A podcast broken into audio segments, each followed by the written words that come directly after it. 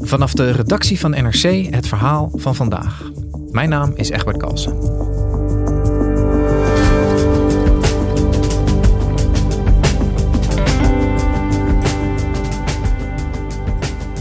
Oud-profvoetballer en kopbalspecialist Wout Holverda leed al jaren aan dementie.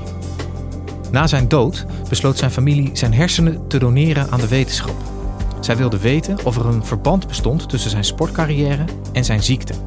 Sportverslaggever Enzo van Steenbergen volgde dit onderzoek. Wat vertellen Holverda's hersenen ons over het risico van koppen?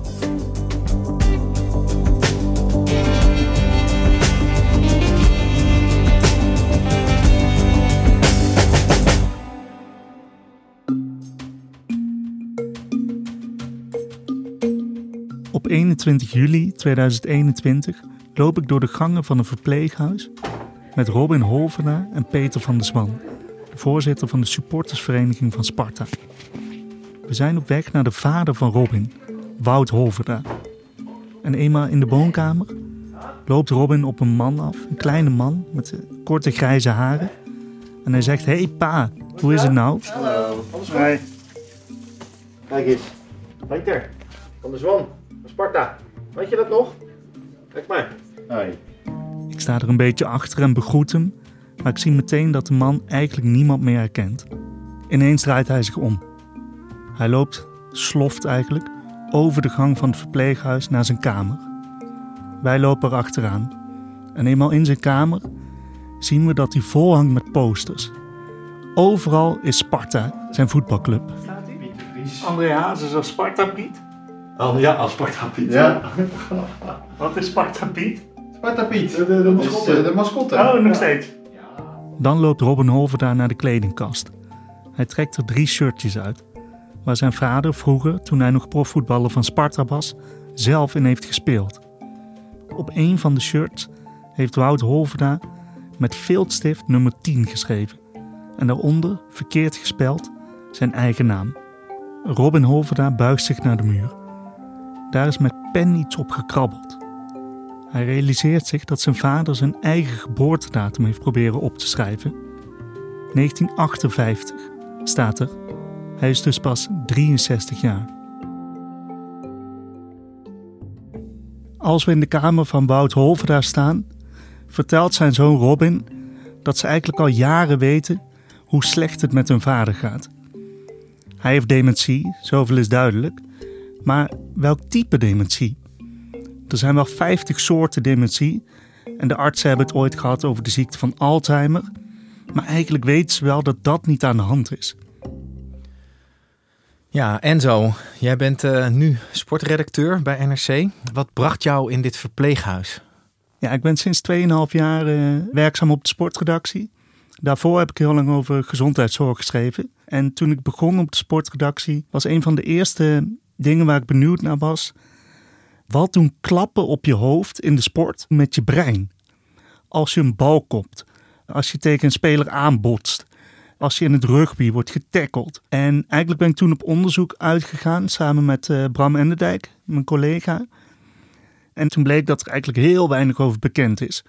We kwamen toen in contact met de familie van Wout Holverda, zijn zoon Robin. En toen bleek al heel snel dat de familie eigenlijk ook niet echt wist of zijn ziekte iets met voetbal te maken had. Maar ook dat de artsen in het Amsterdam UMC wel een vermoeden hadden uitgesproken dat er misschien een verband zou kunnen zijn met zijn uh, voetbalcarrière. Hij was een voetballer die heel veel kopte, heel veel doelpunten met zijn hoofd heeft gemaakt. Overda. Overda opnieuw. Dit is goed. Holverda dan en een doelpunt. Wout Holverda. Holverda. Alleen door. Wout Holverda. En een goal van Wout Holverda. Omdat er een speler... Zijn familie wil zo graag weten, hebben de kopballen hem ziek gemaakt? En vanaf dat moment zijn we min of meer samen opgetrokken om te kijken of we antwoorden konden vinden. En jullie hadden dus contact met die familie al tijdens de ziekte van, uh, van Wout, uh, Wout Holverda. Hoe ontstond het moment waarop besloten werd om te kijken wat de oorzaak was van de dementie van Wout? Ja, hij was onder behandeling in het Amsterdam UMC. Ze hebben een speciaal Alzheimercentrum en daar doen ze onderzoek naar allerlei typen dementie. één neuroloog, hersenonderzoeker uit dat ziekenhuis. Die heeft gespecialiseerd in sporters. Nou, die familie is op een gegeven moment weer in contact gekomen met die arts, Jort Vijverberg. En toen hebben ze besproken van, nou, uh, het is tegenwoordig mogelijk om hersenonderzoek te doen op het moment dat iemand is overleden. Uh, staan jullie daarvoor open? En die familie hoeft er daar eigenlijk helemaal niet lang over na te denken. Ja. Gelijk verwonderd zijn, ja. Want op, uh, op 3 december 2021 is uh, Wout Holverda uiteindelijk overleden aan zijn ziekte. Wat is er daarna gebeurd? Ja, daarna uh, zijn zijn hersenen onderzocht door de arts in het Amsterdam UMC. En dat hebben wij ook helemaal kunnen volgen door gesprekken met alle betrokken artsen. En dat was wel een heel bijzonder onderzoek, omdat dat nog nooit eerder is gedaan bij een Nederlandse sporter. Dat vertelde Jort Vijverberg in het ziekenhuis. Het is e-, enorm, hè? Kijk, dat wij nu de eerste hersendonatie hebben van gewoon een, een goede voetbalspeler. Dat we dat mogen bekijken, ja, dat is uniek. Hoe ziet zo'n onderzoek er vervolgens uit? Wat gaan ze dan doen om die vraag te beantwoorden of uh, die ziekte uh, te maken heeft gehad met die sportcarrière van deze Wout? Direct na het overlijden is er contact met het ziekenhuis. Er komt een rouwwagen. Die rijdt het lichaam binnen enkele uren naar het ziekenhuis. En daar wordt het lichaam in een mortuarium gelegd. Trap weer af. Ja, joh, kelder in. Het, is wel, het maakt het plaatje compleet. Daarna uh, ja, wordt de schedel gelicht en de hersenen eruit genomen. En worden ze in bepaalde vloeistoffen gelegd, zodat die hersenen goed blijven voor onderzoek. Oh, hij begint nu geluid te maken. En die slaat hij aan, net als een gewone koelkast. Oh ja, ja. Dan, min 17 uh, wordt hij nu. Ja, ja dus hij moet weer min uh, Ja, ja, ja. Okay. En, en, de hersenen zijn iets lekkerder, vind ik zelf, op min 15. Maar uh, dat ligt aan wat voor De hersenen die zijn dan een tijdje uh, bewaard. En die gaan dan in een machine waar er hele kleine plakjes van worden gesneden. En die plakjes krijgen een bepaalde kleur door labassistenten. En aan die kleuren kunnen de artsen zien welke ziekte er in die hersenen zat. Nou, deze ziekte ziet eruit onder een microscoop als een soort roodbruine spikkels die zich in een bepaalde vorm hebben vastgezet, als het ware, in de hersenen. En toen Jort Vijverberg, de neuroloog, dat zag, toen wist hij: dit is de hersenziekte die te maken heeft met de sportcarrière van Wout. En die conclusie die was dus voor Vijverberg op dat moment duidelijk. Hij is daarmee naar de familie gegaan en jullie waren daar ook bij, hè, Bram en jij? Ja, dat is dus een, een proces van een aantal maanden gaat eraan vooraf. Dat een klinisch patholoog en de neuroloog die resultaten bestuderen. En uiteindelijk stellen ze dan een rapport op waarmee ze naar de uh, familie gaan. Dus in dit geval zijn Robin en Melissa, de zoon en dochter van Wout Holverda, zijn uitgenodigd. En wij mochten met hen mee. Melissa, hi. Hi, ik ben Bram. Hi. Hallo. En dat was natuurlijk best een bijzonder gesprek. Zij waren ook gespannen vooraf. Want het zou zo geweest kunnen zijn dat er wel genetische oorzaken waren. Maar ik denk dat ze uiteindelijk ook wel opgelucht waren toen Jort Vijverberg vertelde hoe het in elkaar zat en hoe het onderzoek was geweest. Want we zien wel dat wat we gevonden hebben bij de pathologie, dat dat eigenlijk CTE is. Hè? Dus dat te maken heeft met zijn voetbalcarrière. Dus eigenlijk wat we over de tijd gingen vermoeden, komt er wel ook uit bij de pathologie. Dus toen ze daar zaten in die spreekkamer, heeft Vijverberg eigenlijk heel rustig uitgelegd wat ze precies hadden gevonden en wat de diagnose was. Nou, in medische termen is dat chronische traumatische encefalopathie, CTE. Dat is de naam die deze ziekte heeft gekregen. Je moet dat zien als een type dementie dat in verband wordt gebracht met sport. Waardoor zij wisten, dit is letsel dat is opgelopen door klappen tegen het hoofd. Hoe zeker is het nou dat dat door die sportcarrière komt? Ik bedoel, de waarschijnlijkheid is heel groot, hè? daar zijn we het denk ik snel over eens. Maar kunnen zij met 100% zekerheid vaststellen dat dat door dat voetbal komt, door dat koppen? Ja, dat hebben we natuurlijk ook gevraagd. Voor Vijverberg, die legt als het ware de grens bij dat hij met zekerheid durft te zeggen dat het door de voetbalcarrière komt. En ook wel dat het nou ja, bijna niet anders kan dan dat kopballen een rol hebben gespeeld. Ook omdat we weten dat Wout Holverda heel veel heeft gekopt. Maar om echt te zeggen, deze ziekte is veroorzaakt door kopballen alleen. Ja, dan zou je hem eigenlijk sinds de jaren 70, de tijd dat hij voetbalde, uh, gevolgd moeten hebben. En moeten weten hoeveel heeft hij precies gekopt. Is hij vaak tegen de paal aangebotst? Heeft hij hersenschuddingen gehad door botsing met tegenstanders? Dat zijn ook mogelijke oorzaken voor die klappen. En toen Vijverberg dat uitlegde in zijn spreekkamer, toen zag ik ook dat Robin en Melissa, die moesten eigenlijk een beetje lachen. Want ja, zij wisten ook wel, hun vader voerde verder niet superveel uit na zijn voetbalcarrière. Dus zij zeiden van ja, het heeft echt nergens anders mee te maken. Qua leven, eh, wat mijn vader leek, eh, kon er weinig met fout gaan, denk ik. Of hij moest een harde tafel naast hem hebben staan. Maar... hij was sportief was hij echt actief, maar daarnaast nee. was hij lui. Luister, ja. Hij heeft een lui uitgevonden. Dus hun vader is ziek geworden door wat hij het allerliefste deed, zijn voetbalcarrière. Ja, en dat is natuurlijk ook echt wel een beetje cru. Het eerste moment dat artsen het vermoeden uitspraken dat het misschien met voetbal te maken had, toen was Wout Hofnaar nog vrij goed. En dat heeft zich in zijn hoofd echt vastgezet als een soort feit. En het was niet zo dat hij dat verschrikkelijk vond. Ook niet dat hij er trots op was, maar dat voetbal was gewoon wie hij was. En dit paste wel in dat beeld. Ja, ik vond het eigenlijk altijd wel grappig dat die oude dan zelf altijd al liep van het komt door het kop, het komt door. Terwijl de hoogste arts weet het nog niet eens wat zie uit, maar volgens die oude kwam het gewoon door het kop. En weet je wel, mijn vadertje, mooie venter. Och joh. Nee, we genieten, ik geniet heel erg na van hem hoor. Dit is de eerste keer dat zo'n onderzoek in Nederland uh, gedaan wordt. En met die uitkomst uh, CTE dat verband wordt aangetoond tussen, tussen koppen en uh, deze vorm van dementie. Is er in het buitenland al wel meer onderzoek gedaan naar deze relatie? Ja, zeker. Het is ook niet voor niks dat een Nederlandse neuroloog hier graag onderzoek naar wil doen. Vooral in de Verenigde Staten en het Verenigd Koninkrijk is er eigenlijk heel veel onderzoek gedaan in de hersenen van sporters. Uh, je hebt daar natuurlijk sporten zoals American football, rugby, ijshockey. Die zijn daar heel populair. Echte impactsporten. Ja, precies. Uh, als je inderdaad beelden ziet van die sporten, dan zie je ook hoe keihard mensen op elkaar botsen. Dus daar zijn eigenlijk al veel eerder zorgen gekomen over um, hersenschade. Dat heeft ertoe geleid dat veel sporters daar al veel eerder hebben besloten om hun hersenen na hun overlijden aan de wetenschap te schenken.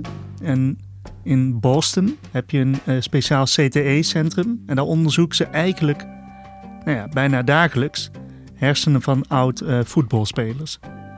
En inmiddels zijn er in de afgelopen jaren uh, in de hersenen van meer dan 600 spelers die op het hoogste niveau uitkwamen, is daar CTE gevonden.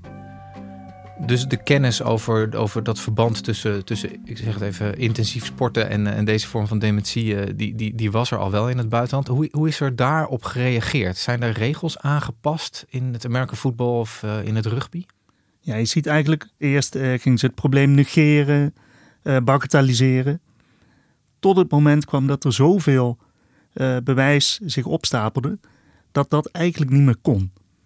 In het American football is bijvoorbeeld een mega rechtszaak gevoerd van oudspelers die hersenschade hadden tegen de bond. Nou, er is een schikking uit voortgekomen. De bond heeft honderden miljoenen moeten betalen aan families. En ja, dat leidt er natuurlijk ook toe dat er in de sport zelf iets moet gebeuren. Dus je had tackles waarbij je je hoofd echt als wapen gebruikte. Nou, die mogen niet meer. Dus als je kijkt naar de National Football League, de hoogste competitie, uh, bij elke wedstrijd is nu een team van 30 artsen uh, langs de lijn. Uh, er worden van elke tackle kijkt de neuroloog beelden terug. Dus ik denk dat die sport is diepgaand veranderd. En in mindere mate geldt dat ook voor ijshockey en rugby. Dat zijn grote sporten in Amerika die hier wat minder populair zijn. Hier in Europa is voetbal de meest populaire sport. Zijn die debatten hier in Europa ook al over voetbal aan de gang? Nou, ik denk dat in het voetbal eigenlijk een vrij jonge discussie uh, pas is. Eigenlijk hebben we dat alleen in Engeland gezien. Uh, in Engeland is dat debat ook met rugby begonnen. En dat is min of meer overgeslagen daar naar het voetbal. Dat komt onder andere omdat Engeland heeft één heel beroemd team. Namelijk de ploeg die het WK van 1966 won. En in de laatste jaren is gebleken dat ongeveer de helft van die ploeg aan dementie leidt. Of is overleden met dementie. Nou, in Engeland is daardoor eigenlijk een enorme discussie ontstaan om meer onderzoek te doen en misschien zelfs preventieve maatregelen uh, te nemen. En, en zijn er al preventieve maatregelen in het voetbal genomen? Ja, zover is het ook gekomen. Je hebt vorig jaar een parlementaire onderzoekscommissie gehad. Nou, harde conclusies. Uh, eigenlijk hebben zij gewoon zwart op wit gezegd: sportbonden hebben dit gevaar heel lang genegeerd. Doe iets. En de voetbalbond heeft erop gereageerd door te zeggen: Oké, misschien is er nog geen doorslaggevend bewijs dat kopballen gevaarlijk zijn. Maar we vinden de aanwijzingen zo serieus dat we een limiet gaan stellen op kopballen. Dus in het Engelse voetbal mogen zowel kinderen als volwassenen, bij zowel de amateurs als bij de profs, eh, nog maar tien keer per week op hoge snelheid koppen. En worden die daarin gesteund door de, door de internationale voetbalbonden? Hoe kijkt de UEFA en de FIFA hier tegenaan? Ongeveer uh, twee jaar geleden hebben Bram en ik gekeken naar hoe gaan sportbonden hier eigenlijk mee om. En voor de UEFA hebben we toen wel gezien dat zij eigenlijk dit type onderzoek tegenwerken. Op een gegeven moment heeft de UEFA gezegd, toen die discussie in Engeland losbarstte, we willen een onderzoek laten doen naar hoe vaak wordt er eigenlijk gekopt op de velden.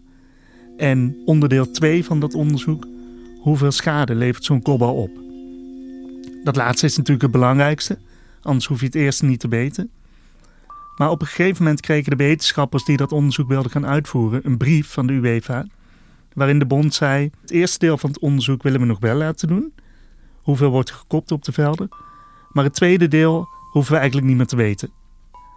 En sindsdien is dat onderzoek ook niet meer gedaan. Nu hebben jullie met dit onderzoek naar uh, Wout Holverda met de artsen natuurlijk aangetoond dat ook in Nederland dat verband uh, nu zwart op wit staat. Hoe reageren de bonden in Nederland op de bevindingen?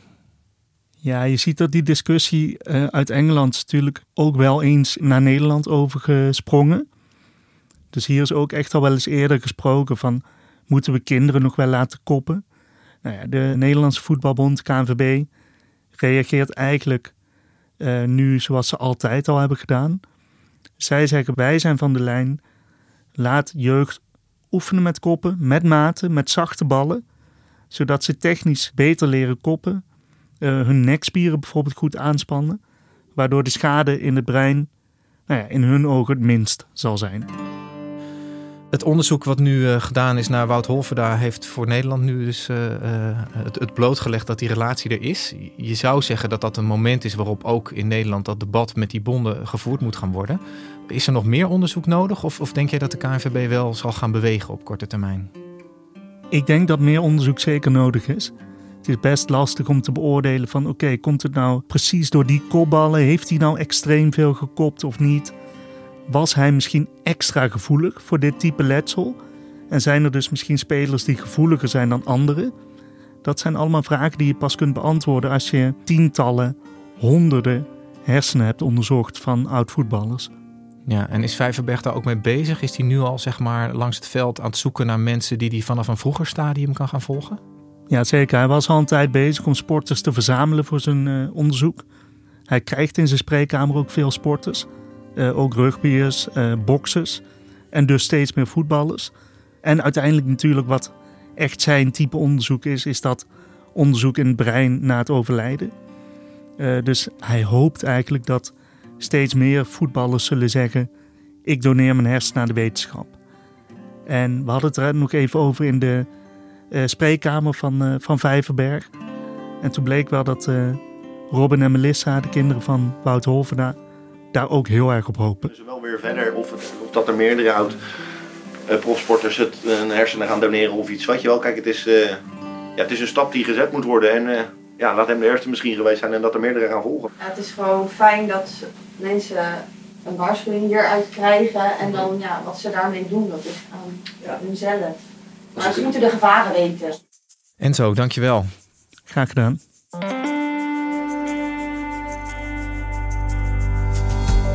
Je luisterde naar vandaag, een podcast van NRC. Eén verhaal, elke dag.